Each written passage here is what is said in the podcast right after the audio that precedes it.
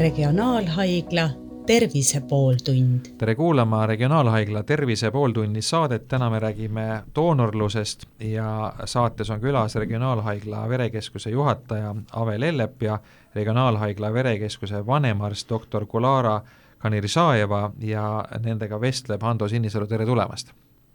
tere! tere! Me räägime doonorlusest, kui palju äh, doonoreid täna äh, teie andmebaasides on ja kas neid on ka pidevalt juurde vaja? jaa, Eestis kokku on äh, doonoreid kuskil kolmekümne tuhande ringis ja see moodustab ähm, kuskil kaks koma kaheksa protsenti Eesti elanikkonnast.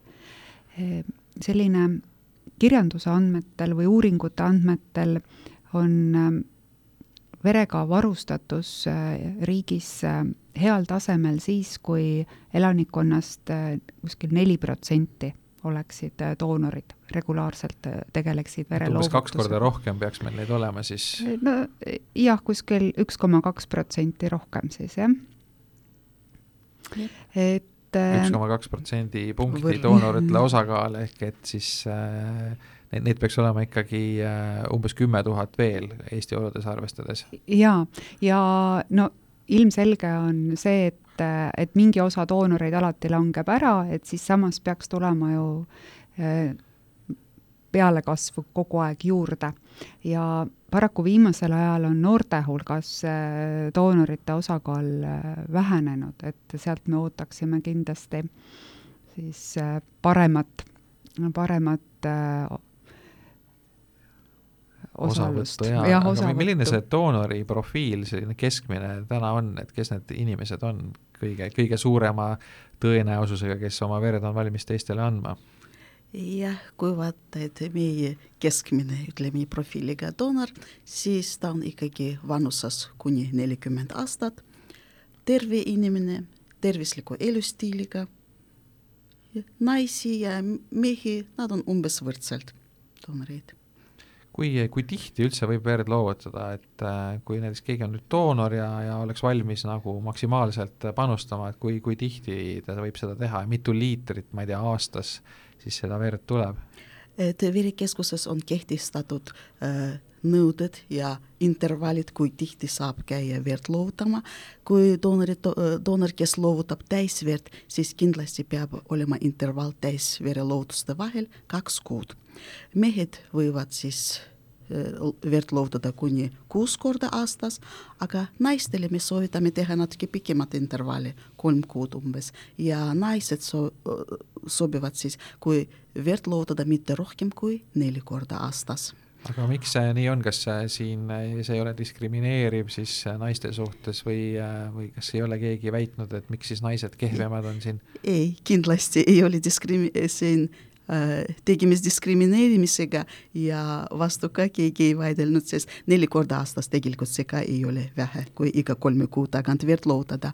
ja see on seotud sellega, et selline piirang just naisdoonoritele suhtes, sest me vaatame hemoglobiini, mis on jah, et kui liiga tihti siis käiks doonori verd andmas, siis see hemoglobiini tase oleks oht, et see oleks langenud ja naistel on füsioloogiliselt on niimoodi, et hemoglobiini tase organismis natuke madalam kui meestel. naiste füsioloogia on pisut erinev meeste omast ja see tingib ka selle selle erinevuse, aga ma tahan öelda seda, et ega ma ei näe siin mingit diskrimineerimist, sest olemasolevad doonorid äh, seda äh, sagedust äh, enamasti ei täida, et kuigi on lubatud siin neli ja kuus korda aastas verd loovutada, siis keskmine vereloovutus ühe doonori kohta on üks koma seitse, nii et ei tule kahtegi aastas.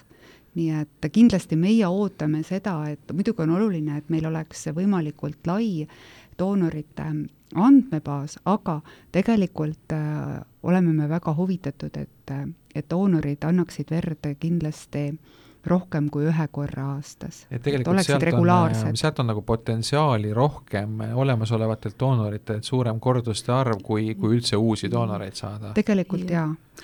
veel lisan, et meie keskuses veel veredoonorid saavad loodada mitte ainult täisverd, aga veel meil on selline protseduur nagu afirees ja afireesi protseduuril, see on selline protseduur, kus doonorid tulevad ja loovutavad mitte täisverd, aga vere koostisosa komponent, kas plasmat loovutavad või plasmat ja trombotüüdid ja just afireesi protseduuril nad saavad käia tihedamini, seal meil intervallid palju nagu väiksemad, nii et plasmafireesil tegelikult meil on doonorid saavad käia intervalliga kaks nädalat loovutama plasmat, nii et siis nende doonoritel muidugi siis aasta jooksul tulevad vereloovutuste arv tihedamini ja suurem arv kui täisvere loovutamisel aga mis need motiivid on, miks inimesed seda teevad, et äh, selles mõttes äh, noh, otsest, otsest isiklikku kasu nad ju sellest ei saa. Äh, kuidas nagu motiveerida inimesi doonoriks hakkama?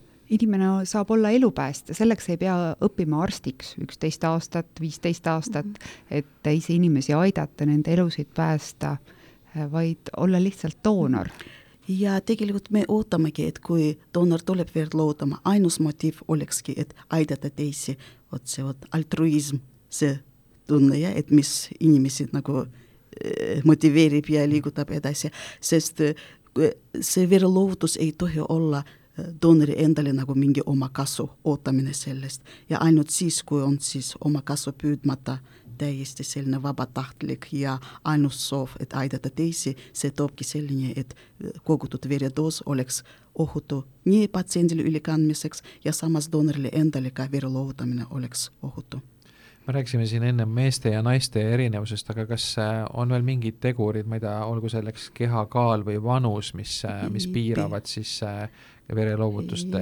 arvu või, või midagi veel? piirangud seoses kehakaaluga on kindlasti on, et vähemalt viiskümmend kilogrammi peab kaaluma doonor ja piirangud seoses vanusega ka on alates vanusest kaheksateist saab hakata doonoriks ja kuni lood- ja jätkata siis vere loodamisega kuni vanuseni kuuskümmend viis. aga kui esimest korda tuleb doonor, siis tema ülemine vanusepiir peab olema kuuskümmend aastat mm. -hmm. nii et äh, need, kes on juba varem verd loovutanud, siis saavad kuni kuuekümne viie aastani ja, seda ja teha. Mm -hmm. nüüd, millised on need piirangud, et äh, kui me rääkisime kehakaalust ja, ja vanusest, mis, mis veel, et, et millised inimesed ei sobi doonoriks, et mis on need välistavad tegurid mm? -hmm. on olemas sellised piirangud, mis välistavad ja eh, keelavad doonorlus alaliselt, ütleme nii, et nendes piirangutes suhtes, et do, inimene ei tohi olla doonor, kui näiteks ta on põdenud B-hepatiiti, C-hepatiiti, kui tal on äh, HIV viiruse ja et äh, kahtlus või tal on kandlus või kahtlus, et tal võib olla see. kindlasti ei sobi doonoriks narkomaanid, alkohoolikud, ei sobi need inimesed, kes süstisid narkootikumi, isegi kui väga-väga ammu ja ükskord, ikkagi see on selline piirang. aga meil verekeskuses veel on piirangud, mis ei välista absoluutset doonorlust, et võib-olla doonor tuleb just sellel päeval, ta ei saa verd anda. ja me peame siis peatama doonorlus, palume, et ta tuleks mingi aja pärast. ja kõige sa-, sagedamini, kui me saadame doonorit tagasi, põhjus, kui eh, enne vereloovutust mõõtakse hemoglobiini doonori, doonori veres ja, ja see on madal teised põhjused, mille tõttu me peame piirama doonorlus, siis näiteks reisimine, kui doonor reisis selliste piirkondadesse, kus võib olla näiteks malaaria riskipiirkond või on olemas veel selline Lääne-Niiluse viirus selle viiruse piirkonnad või oleme kuulnud Zika viirusest ja et reisimine. teine põhjus, kui doonor on hiljuti põdenud mingi haiguse, no see on juba sõltub sellest, et mis haigus, kui ammu oli, milline ravi oli, ravimite tarvitamisel vähes olnud tätoveerimine, naha augustamine, need on piirangud, kus me peame, äh, no hetkel meil on neli kuud ootame, kui inimene on teinud tätoveeringu, siis selle aja möödumisel saab tulla verd anda aga inimene ise ei pruugigi olla teadlik kõikidest nendest äh, seni põetud haigustest ja ja, ja noh, teine asi, te mainisite süstivaid narkomaane, et võib-olla mõni on olnud mitukümmend aastat tagasi süstiv narkomaan ja nii-öelda unustanud selle äh, Äh, enda jaoks ja eluga edasi läinud ja nüüd äh, ega teie ju ei saa seda kontrollida, et, et kas ta räägib teile tõtt või mitte, et, äh, et kuidas sellega on, et, et kui inimene nagu väidab ühte asja, siis ju võib jääda kahtlus üles, et ta siiski on põdenud teatud haigust või ma ei tea, isegi reisil käinud või süstinud või mida iganes teinud, mis ei ole teie reeglitega kooskõlas, et mis siis saab? Mm? -hmm et ikkagi, kui doonor tuleb ja temaga enne vereloovutust toimub vestlus, meditsiiniline läbivaatus, täidab ta küsitlus, küsimustikku, vastab küsimustele, me ikkagi väga tahame ja ootame ja eeldame, et doonor vastab küsimustele ausalt küsimus ja me peame usaldama doonorit ikkagi, see on ja selleks ongi doonorluse tasuta põhimõte, et doonor, kui tuleb verd andma, ta ei saa selle eest tasu ega raha, midagi ja tal nagu ei ole sellist põhjust, miks ta nagu varjaks mingi haiguse teadaoleva või nakkuse riski suhtes.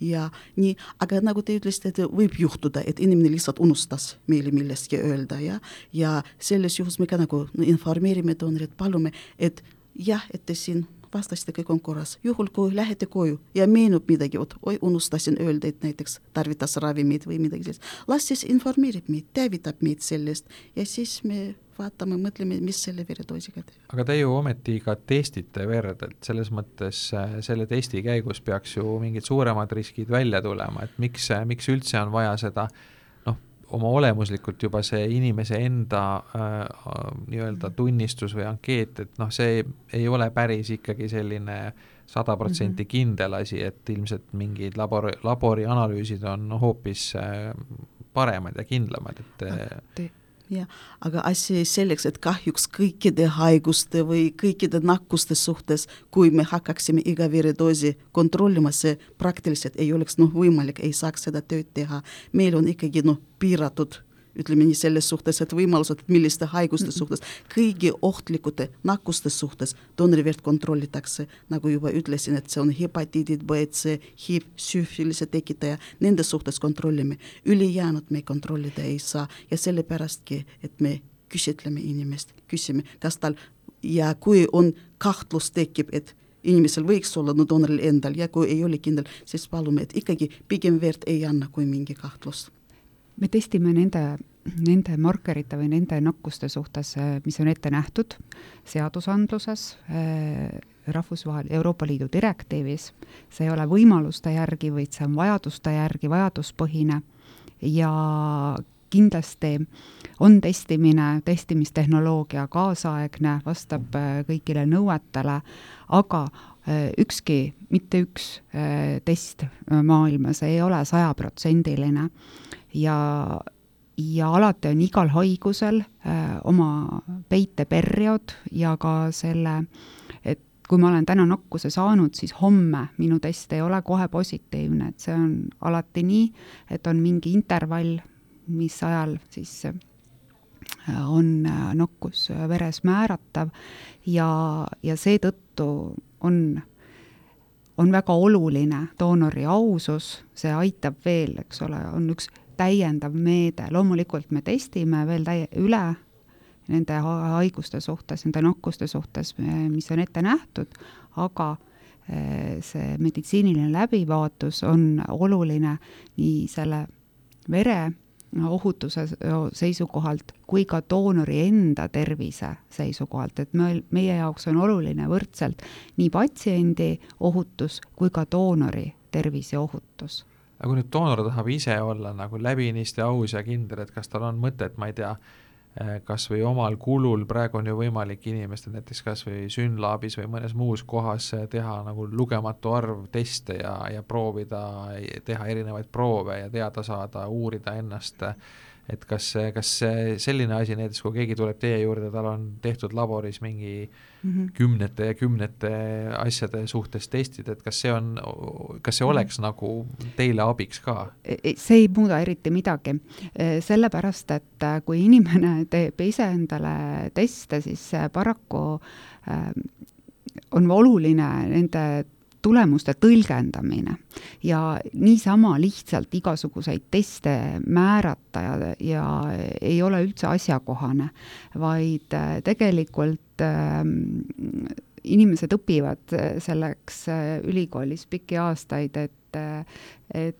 teada, mis, milliste haigusnähtude või, või millistes situatsioonides milliseid uuringuid määrata, mida nendest tulemustest järeldada ja, ja, ja niisama lihtsalt testida ja, ja, ja, ja siis vaadata, mis välja tuleb, on tegelikult raha raiskamine.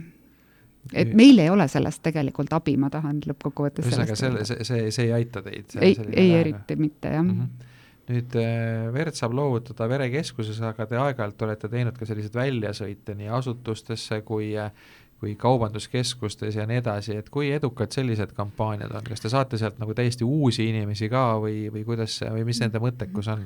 et äh, ma täpsustaks, et me ei tee seda nagu aeg-ajalt, aga tegelikult meil on väljasõidubrigaad, mis äh, iga tööpäev sõidavad meie peahoonetest välja ja, ja selle väljasõidubrigaadi hulka kuuluvad ka meil õed, kes äh, teenindavad doonorit, arstid, registraatorid, võetakse kaasa kõik vajalikud, mis on doonorite medläbivaatuses, doonorivere kogumiseks, analüüsi võtmiseks ja iga päev need väljasõidud doonoripäevade tegemine võib olla kas Tallinnas või väljaspool Tallinna, nad erinevad asutused, kultuurikeskused, kuhu sõidakse, no kõige kaugemale Kur-, saartele, Kuressaare ja Narva, erinevad väljasõidud ja nad on väga efektiivsed et kui verikeskus tuleb doonoritele lähemale, siis doonoritel on mugavam ka käia väljasõitudel doonorite päevadel verd andma.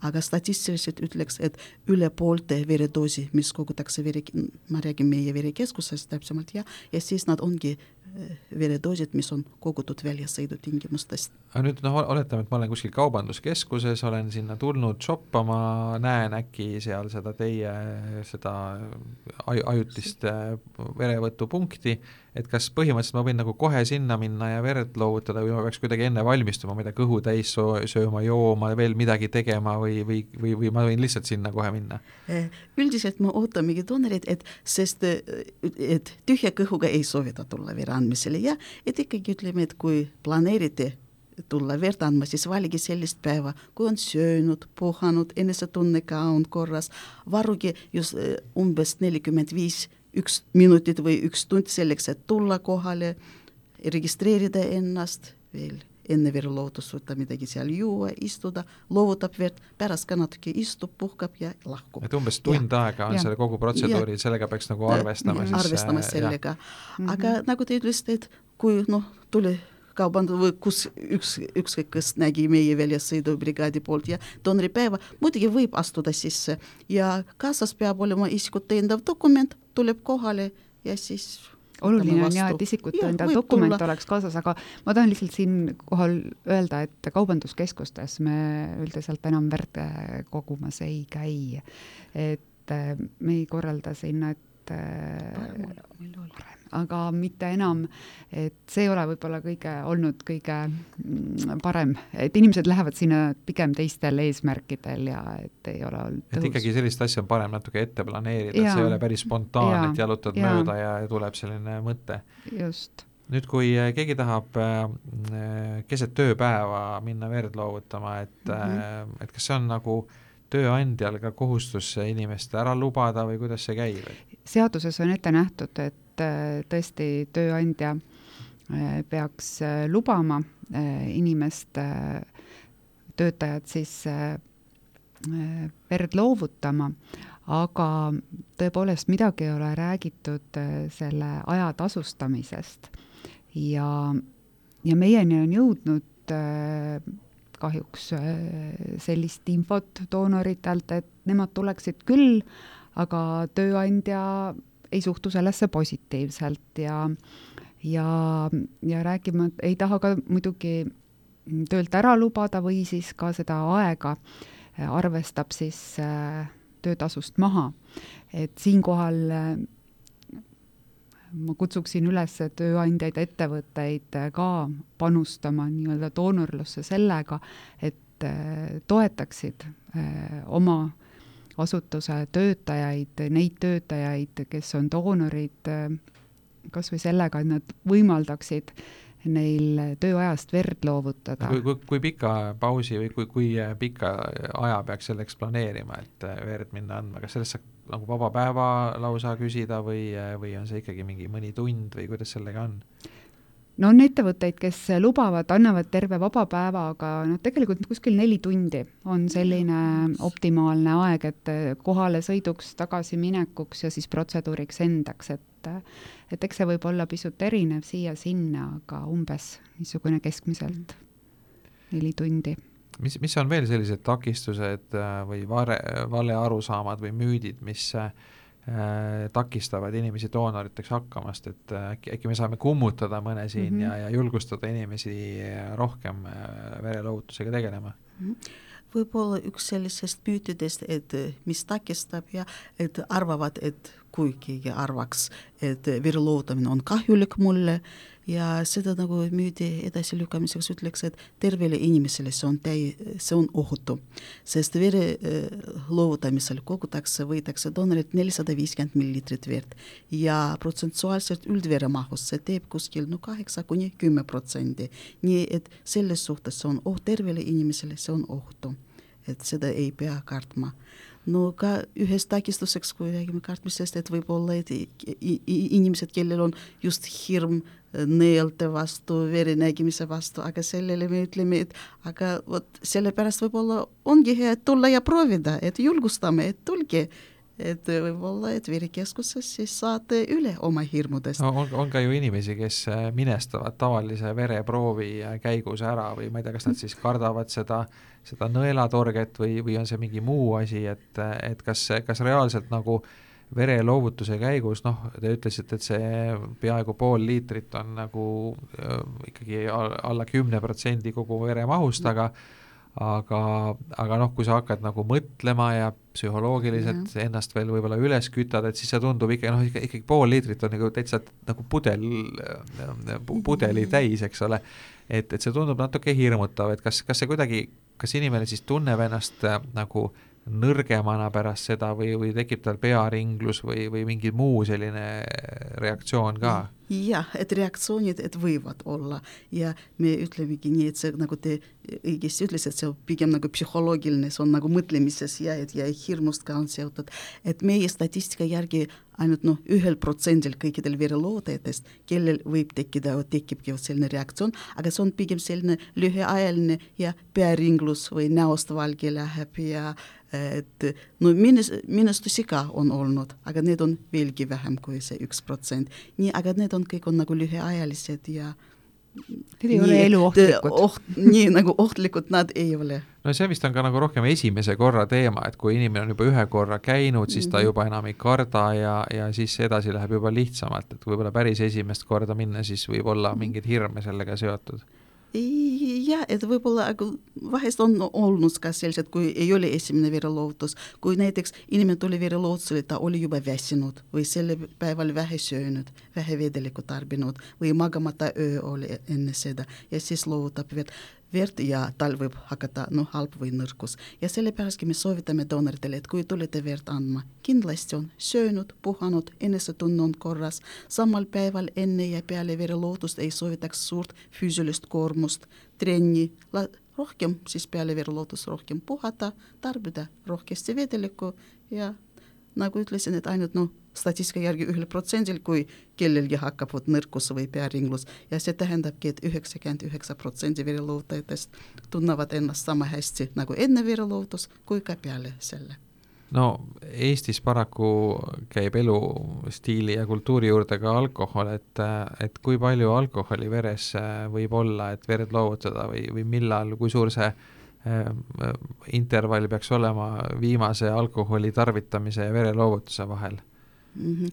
no kindlasti, et mitte samal päeval jah, et tarbinud alkoholi, aga kui intervallist muidugi see sõltub ka nagu kui eelnevalt, kui palju kogusest, kangusest ja no kui inimene on võimeline, ütleme, ta tohib minna autorooli, siis ta tohib ka verd loovutada, et, et see võib-olla on see päris selline hea lihtne, hea lihtne selline ja, võrdlus, jah no samal ja. päeval ei tohiks kindlasti olla, et inimene peab olema kaine, kui ta tuleb verd äh, loovutama. muidugi mm. -hmm. no jaa, aga selles mõttes, et et jällegi äh, ma üritan siin kogu aeg juuksekarva lõhki ajada, aga kui ma olen mm. näiteks lõuna ajal joonud ühe õlle ja tulen äh, mõni tund hiljem, ütleme, autot ma võin juba juhtida, kas ma verd võin ka mõni tund hiljem siis loovutada või parem seda mitte teha? Et siin ikkagi pigem, et samal päeval me samal päeval, et see reegel on see, et samal päeval ja, mitte ja, siis. samal päeval. see on Ja hea hea lihtne meeles pidada. Ja vahetult ennem ei maksa ka suitsetada, et vahest mõni ukse taga veel lõpetab suitsu ja siis astub verekeskusesse sisse. seda me paluksime ja doonoritel, et kui suitsetajad tulevad verd andma, no kaks-kolm kun-, kaks-kolm tundi enne mm -hmm. vereloovutust ei suitsetaks. samas no mida pikem see intervall, seda paremini, sest nikotiinisisaldust, et veres oleks maksimaalselt vähem. kas dieedi osas on ka mingeid soovitusi, et mida mitte süüa näiteks? ja, ja dieedi suhtes, et me no soovitaks liiga rasvast toitu enne verelootust ei sööks, sest kui ra-, mingi rasvane toit oli, kindlasti see veri ka rasvane, vereplasma rasvane ja see no kvaliteedi suhtes eriti nagu ei sobi ka, et liiga rasvast toitu ei sööks, aga samas tühja kõhuga ka ei tuleks, nii et tervislik eine ja siis kõik on hästi oleks. milliseid doonoreid, ma just mõtlen nagu siis veregrupi suhtes äh, teil kõige rohkem vaja on, et äh, kes need kõige defitsiitsemad on? mm. -hmm. et kui jah, kõik veregruppide suhtes tegelikult meil on vaja doonorid kõikide veregruppidega, jah, sest patsiendid ka on ju kõikide veregruppidega patsiendid ja kui me vaatame, kui palju näiteks mingi veregrupiga elanikkonnas protsentuaalselt ja kui kõige rohkem näiteks A-positiivse veregrupiga inimesi, siis neid doonoreid meil ka on palju, aga peame arvestama sellega, et patsiente ka on palju, nii et vajadus on suur. aga ja sama teine väide, kui näiteks AB negatiivse veregrupiga inimesi ainult üks protsent elanikkonnas, vastavalt, et siis doonoreid meil ka on vähe ja samas, kui samal ajal haiglatesse satub mitu patsiendi selle veregrupiga, siis suur vajadus tekib. nii et me seda igapäevaselt kontrollime ja vaatame, millise veregrupiga meil on just hetkel kõige rohkem vaja. meie kodulehel on väga hästi illustratiivselt äh, näha, millise, milline on meie verevarud, millise, millist gruppi just parasjagu kõige rohkem mm. Võib-olla oleks tarvis, kus on seal sellised kriitilised kohad, et äh, doonorid võivad, võivad verekeskuse kodulehel käia, see on kohe avalehel ilusti ja, näha, aga negatiivsed, reesus negatiivsed on alati vajadus, vajadus suurem kui positiivsete järel, aga kõik on oodatud muidugi. Mm. -hmm aga sellega olekski paslik lõpetada, et ma ei tea, äkki mingi üleskutse veel eh, inimestele, et kes ja miks ja, ja, ja et nad võiks tulla, et ma saan aru, et meil oli circa kümme tuhat doonorit ideaalist veel puudu Eesti olusid arvestades, et et äh, millised inimesed võiks, võiks siis tulla ja, ja ennast äh, see esimese vereloovutuse teha ja teie andmebaasi ennast üles anda ja mis, mis te neile ütlete ja, nagu innustuseks? kõik inimesed, kes äh, tunnevad, et nad soovivad teha head ja anda oma panus, aidata neid inimesi, kellel ei ole hetkel tervis korras. kõik, kõik need inimesed, terved inimesed on oodatud vereloovutusele, verd loovutama. Ja jah, ma siin lisaks, et paljudele inimestele tegelikult meeldib ju teha kingitusi teistele, kinkida midagi. Ja mis võib olla parem kui kinkida elu või siis sellega, et ma kutsukski ja julgustaks kõiki terveid inimesi, kes pole veel doonor, hakata ja see kindlasti annab väga suure selle emotsionaalse hea tuju. Aitäh, sellega on äh, sobiv lõpetada, meiega äh, ajasid juttu Regionaalhaigla verekeskuse juhataja Ave Lellep ja Regionaalhaigla verekeskuse vanemarst doktor Gulara Kanirzajeva ja saatejuht oli Hando Sinisalu, aitäh kuulamast! regionaalhaigla Tervise pooltund